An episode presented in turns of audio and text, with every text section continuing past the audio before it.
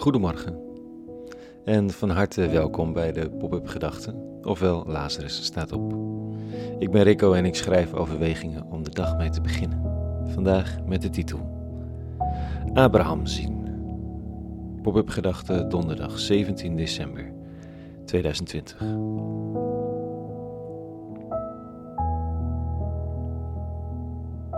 Zover ben ik nog niet, hè? Abraham zien. Net 40 geworden en mijn 50ste duurt nog even. En dat je op je 50ste dan zogezegd Abraham ziet, berust op een wel heel volkse interpretatie van een fragment uit een discussie tussen Jezus en de religieuze leiders. Zij roepen verontwaardigd uit naar Jezus: U bent nog geen 50 en u hebt Abraham gezien. En dan zegt Jezus op zijn eigen tijdloze manier: Eer Abraham was, ben ik. Ik ben ook nog geen 50 en heb ook Abraham gezien. Niet de man zelf, maar wel de Abraham in de drie grote monotheïstische religies. Ik heb maar glimpen opgevangen van het Abrahamitische karakter, maar ik heb het wel gezien. Het is een essentiële bouwsteen voor de gedachte dat elke twist tussen Joden, christenen en moslims in de kern van de zaak niet anders is dan een broedertwist. Een ruzie tussen broers kan ongemeen fel zijn en vol onbegrippen. Maar zien dat de ziel van je gedachtegoed gevormd is uit dezelfde bron, kan zachter maken. Abraham is een bijzonder figuur en Jezus Christus is zijn zoon, zegt de tekst vanochtend. Er zitten wel wat generaties tussen.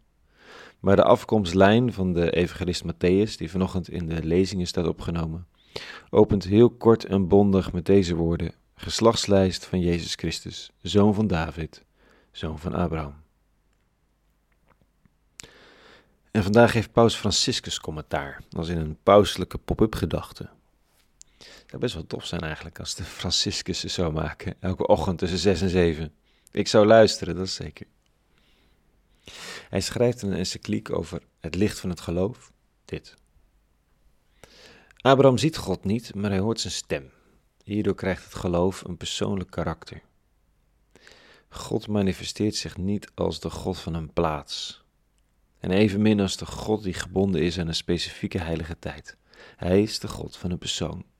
Meer bepaald, de God van Abraham, Isaac en Jacob. Hij is in staat om in contact te treden met mensen en met hen een verbond aan te gaan. Het geloof vormt antwoord op een woord dat ons persoonlijk aanspreekt. Een gij die ons roept bij onze naam.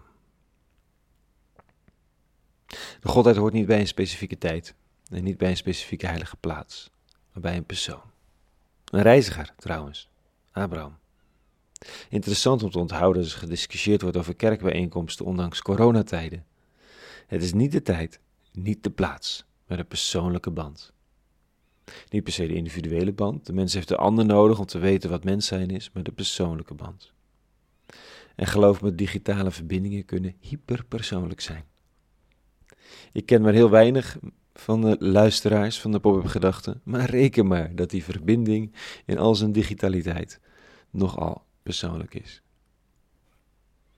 Abraham zien, achter al dat geloven, de man zonder vaste plaats, niet gebonden aan een specifieke tijd in de geschiedenis.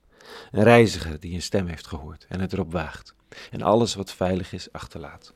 Familie, land, taal. De eeuwige die om ons heen is, door ons heen trekt, soms voelbaar, soms afwezig. Dat is de eeuwige van Abraham, zeggen de teksten. De eeuwige die je naam uitspreekt. Ongrijpbaar, maar niet onhoorbaar. Tot zover vanochtend. Een hele goede donderdag gewenst. Morgen nog één laatste pop-up gedachte in 2020 en dan even een break. Voor nu, vrede gewenst. En alle goeds.